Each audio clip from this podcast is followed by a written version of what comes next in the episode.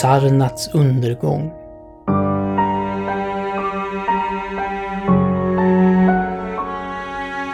Det finns i landet Menar en vidsträckt stilla sjö som inte matas av någon ström och som ingen ström flödar ut ur.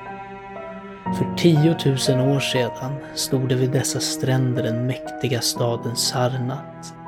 Men Sarnat står där inte längre. Det berättas att under urminnes tider, när världen var ung, innan männen från Sarnat någonsin kom till landet Manar, stod en annan stad bredvid sjön. Den gråa stenstaden Ib, som var gammal som sjön själv och befolkad med varelser som inte var behagliga att skåda. Mycket märkliga och fula var dessa varelser, som sannerligen de flesta varelser är i en värld som ännu är ofullständig och grovt utformad. Det står skrivet på Kadatterons tegelcylindrar att varelserna i Ib hade en grön nyans som sjön och dimmorna som stiger över den. Att de hade buktande ögon, putande sladdriga läppar och märkliga öron och var utan röst. Det står också skrivet att de en natt kom ner från månen i en dimma de och den vidsträckta stilla sjön och den grå stenstaden Ib. Hur detta än må vara, så är det säkert att de dyrkade en havsgrön stenavgud, mejslad i likhet med Bockrugg, den stora vattenödlan, inför vilken de dansade fruktansvärt när månen var halv. Och det står skrivet i Illarnex papyrus att de en dag upptäckte eld och därefter tände lågor vid många ceremoniella tillfällen. Men inte mycket är skrivet om dessa varelser, eftersom de levde i mycket uråldriga tider och människan är ung och vet lite om de mycket uråldriga levande varelserna. Efter många eoner kom män till landet Menar mörka herdefolk med sina ludna flockar som byggde Thra, Ilranek och Kadatteron vid den slingrande floden Ai. Och vissa stammar, mer härdiga än de andra, trängde fram till sjöns gräns och byggde Sarnat på en plats där ädla metaller hittades i jorden. Inte långt från den gråa staden Ib la de vandrade stammarna Sarnats första stenar och över Ibs väsen förundrade de sig mycket. Men med deras förundran blandades hat, för de tyckte inte att det var lämpligt att varelser med sådan aspekt skulle vandra omkring i människornas värld i skymningen. Inte heller tyckte de om de märkliga skulpturerna på Ibs grå monoliter, för dessa skulpturer var fruktansvärda med stor antikvitet. Varför varelsen och skulpturerna dröjt kvar så sent i världen, till och med fram till människornas ankomst, kan ingen säga. Såvida det inte berodde på att landet Menar är mycket stilla och avlägset från de flesta andra länder, både vakna och drömmande. När männen i Sarnat såg fler av Ibs varelser växte deras hat och det minskade inte när de fann varelserna svaga och mjuka som gelé vid beröring av stenar och spjut och pilar. Så en dag marscherade de unga krigarna, slungmännen och spjutbärarna och bågskyttarna mot Ib och dräpte alla dess invånare och tryckte de främmande kropparna ner i sjön med långa spjut eftersom de inte önskade att röra dem. Och eftersom de inte gillade Ibs gråa skulpterade monoliter kastade de även dessa i sjön. Förundrade på grund av arbetets storhet, hur stenarna förts från långt håll, som de måste ha gjorts, eftersom det inte fanns något liknande i hela Menar eller i de intilliggande länderna. Sålunda skonades ingenting från den mycket uråldriga staden Ib, förutom den havsgröna stenavguden som mejslats i likhet med bockrugg, vattenödlan. Denna tog de unga krigarna med sig tillbaka till Sarnat som en symbol för erövringen av Ibs gamla gudar och väsen och som ett tecken på ledarskap i Menar. Men natten efter att det hade ställts upp i templet måste något fruktansvärt ha hänt. För konstiga ljus sågs över sjön och på morgonen fann folket att avguden var borta och överste prästen Taranish låg död som från någon outsäglig rädsla. Och innan han dog hade Taranish ristat in på krysolitaltaret med grova skakiga drag, tecknet för undergång. Efter Taranish fanns det många överstepräster i Sarnat, men den havsgröna stenavguden hittades aldrig. Och många århundraden kom och gick, där Sarnat blomstrade oerhört, så att endast präster och gamla kvinnor kom ihåg vad Taranish hade ristat på altaret av krysolit. Mellan Sarnat och staden Illarnek uppstod en karavanväg och de ädla metallerna från jorden byttes ut mot andra metaller och fina tyger och juveler och böcker och verktyg för hantverkare och allt av lyx som är känt för folket som bor längs med den slingrande floden Aj och därefter. Så Sarnat reste sig mäktig och lärd och vacker och sände ut erövrande arméer för att kuva grannstäderna och med tiden satt på tronen i Sarnat kungar över allt land i Menar och över många angränsande länder. Världens under och hela mänsklighetens stolthet var det magnifika Sarnat.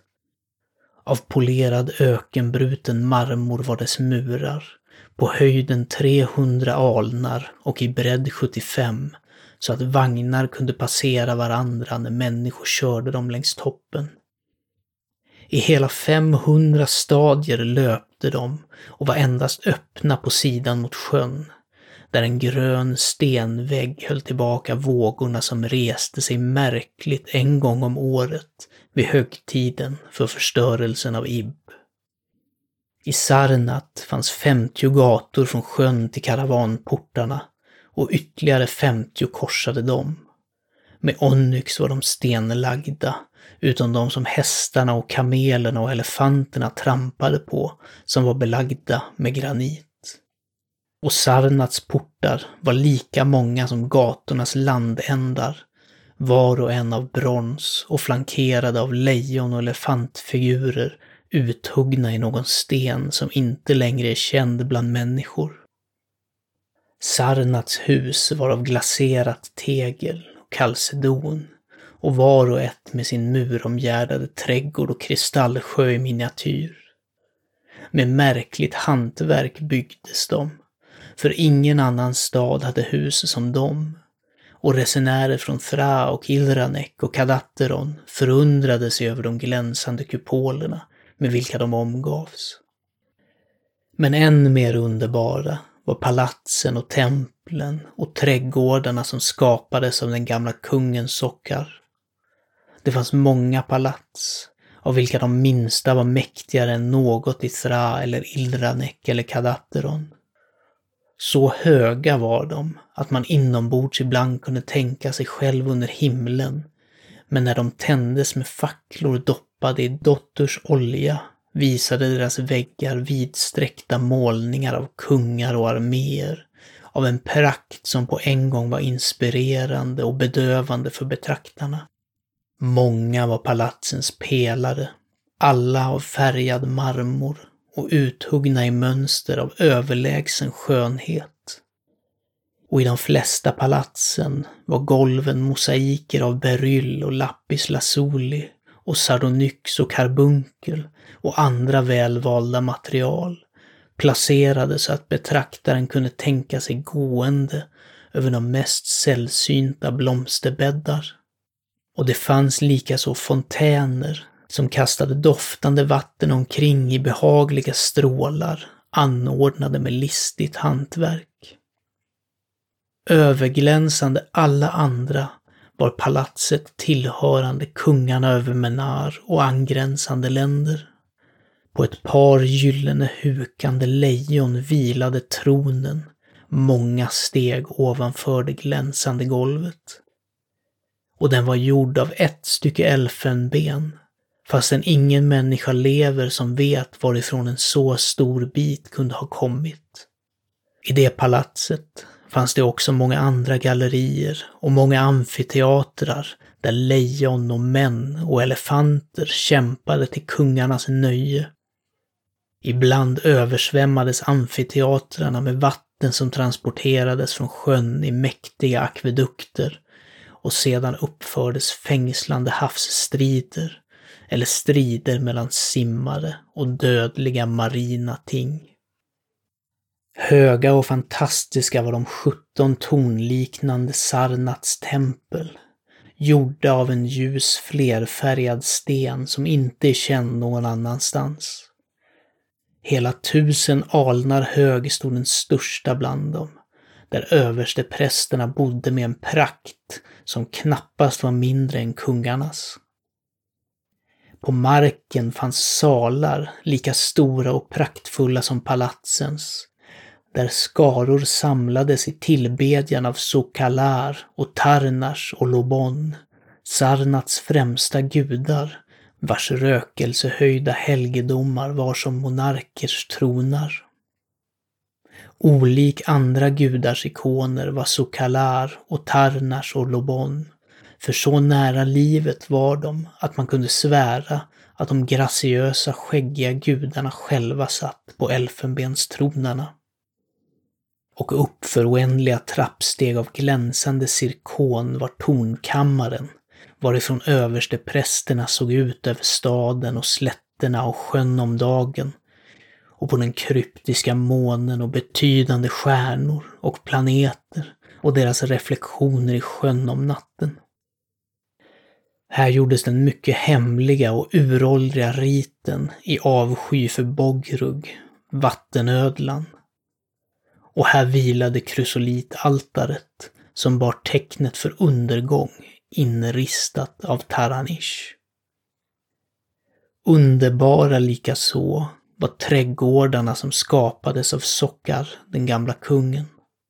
I mitten av Sarnat låg de, täckande ett stort utrymme och omringade av en hög mur.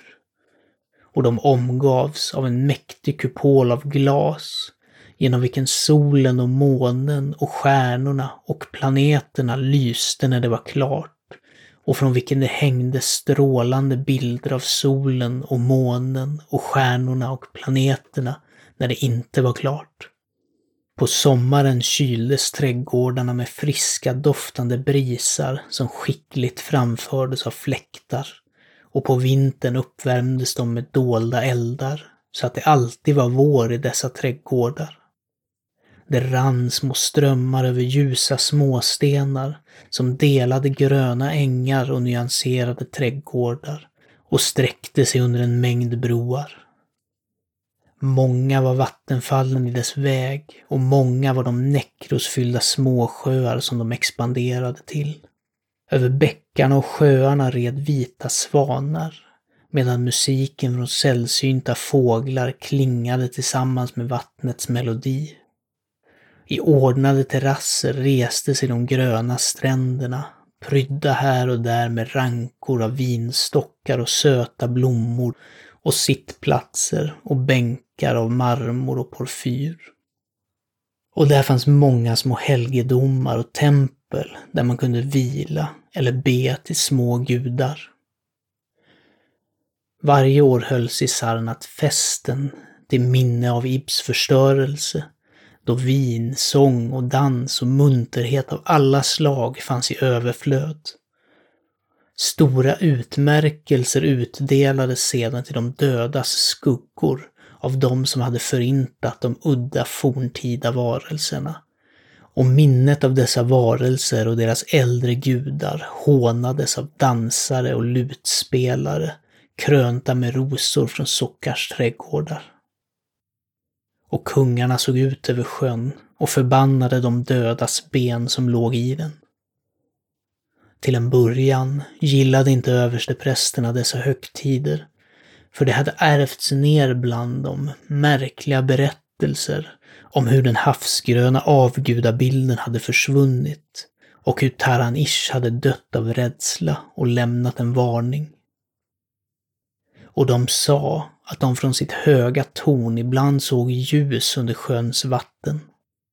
Men allt eftersom många år passerade utan katastrof skrattade till och med prästerna och förbannade och förenade sig i festernas orger. Sannerligen hade de inte själva i sitt höga torn ofta utfört den mycket urgamla och hemliga riten i avsky av Bogrug, vattenödlan. Och tusen år av rikedom och glädje passerade över Sarnat, världens under och hela mänsklighetens stolthet. Fantastisk bortom tanke var festen för det tusende året av förstörelsen av Ib. I ett decennium hade det talats om det i hela landet Manar. Och när det närmade sig kom det till Sarnat på hästar och kameler och elefanter, män från Thra, Ilranek och Kadatteron och alla städerna i Menar och länderna utanför. Inför marmorväggarna på den bestämda natten restes prinsars paviljonger och resenärers tält och hela stranden göd av glada festdeltagares sång. I sin festsal lutade sig kungen Nargis Hej tillbaka, berusad av uråldrigt vin från det erövrade Pnats valv och omgiven av festande adelsmän och ilande slavar. Det åts många underliga delikatesser vid den festen. Påfåglar från öarna Nariel i Mellanhavet, unga jätter från Implans avlägsna kullar, kamelhälar från den benassiska öknen, nötter och kryddor från sydrastiska lundar och pärlor från vågtvättade metall upplöst i strassvinäger. Av såser fanns det ett otaligt antal tillagad av de mest subtila kockarna i hela Menar och passade till smaken för varje festdeltagare. Men mest uppskattade av alla anrättningar var de väldiga fiskarna från sjön, var och en av stor storlek och serverade på gyllene fat med rubiner och diamanter. Medan kungen och hans adelsmän festade i palatset och beskådade den krönande rätt som väntade dem på guldfat, festade andra på andra platser. I det stora templets torn höll prästerna samkväm och i paviljonger utan murar gladde sig furstarna från angränsande länder. Och det var översteprästen Gnai Ka som först såg skuggorna som sänkte sig från halvmånen ner i sjön och de förbannade gröna dimmorna som restes upp från sjön för att möta månen och hölja i ett olycksbådande dis tornen och kupolerna i ödesdigra Sarnat. Därefter såg de i tornen och utanför murarna konstiga ljus på vattnet och såg att den gråa klippan Akurion, som brukade resa sig högt ovanför den närliggande stranden, nästan var under vatten. Och rädslan växte vagt, men ändå snabbt, så att furstarna av Illarnek och från fjärran Rokoll tog ner och slog ihop sina tält och paviljonger och begav sig till floden Ai, fastän de knappt visste orsaken till sin avfärd. Då nära midnattstimmen, brast alla bronsportar i Sarnat upp och tömde ut en vansinnig skara som svärtade ner slätten, så att alla besökande prinsar och resenärer flydde i skräck. För på ansiktena av denna skara var skriven en galenskap född av outhärdlig fasa och på deras tungor fanns ord så fruktansvärda att ingen åhörare stannade för bevis. Män vars ögon var vilda av rädsla skrek högt av synen i kungens festsal, där man genom fönstren inte längre såg Nargis Heis och hans adelsmäns och slavars former, utan en hord av obeskrivliga gröna röstlösa ting med buktande ögon, putande sladdriga läppar och märkliga öron. Saker som dansade fruktansvärt och bar i sina tassar gyllene fat med rubiner och diamanter innehållande otrevliga lågor. Och prinsarna och resenärerna, när de flydde från den dömda staden Sarnat på hästar och kameler och elefanter, såg återigen på den dimbildande sjön och såg att den grå klippan Akurion var helt nedsänkt. Genom hela landet Menar och länderna intill spreds berättelserna om de som hade flytt från Sarnat och karavaner sökte inte längre den förbannade staden och dess ädla metaller.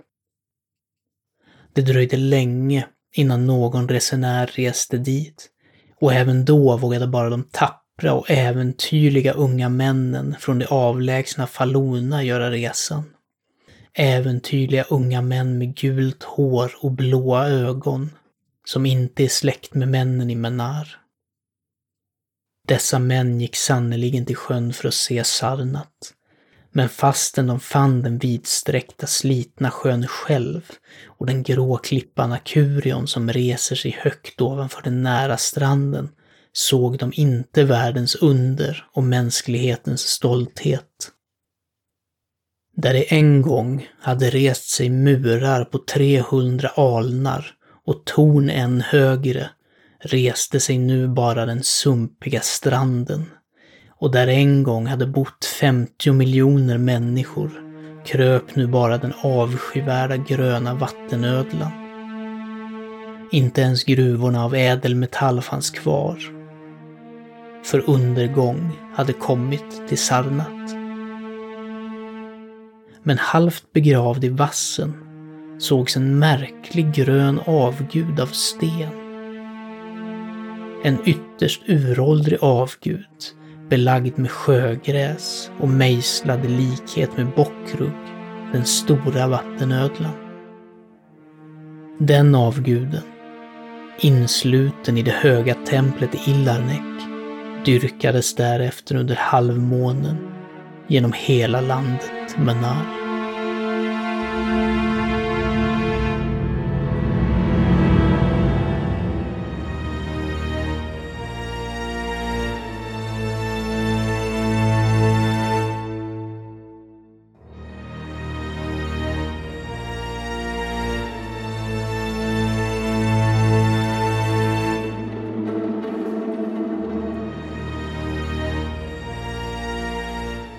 Du har lyssnat på Sarnats undergång, en berättelse av Howard Phillips Lovecraft som skrevs i december 1919 och som publicerades för första gången i juni 1920 i nummer 44 av The Scott. Den svenska översättningen och inläsningen är gjord av mig, Fredrik Johansson. Tack för att du har lyssnat.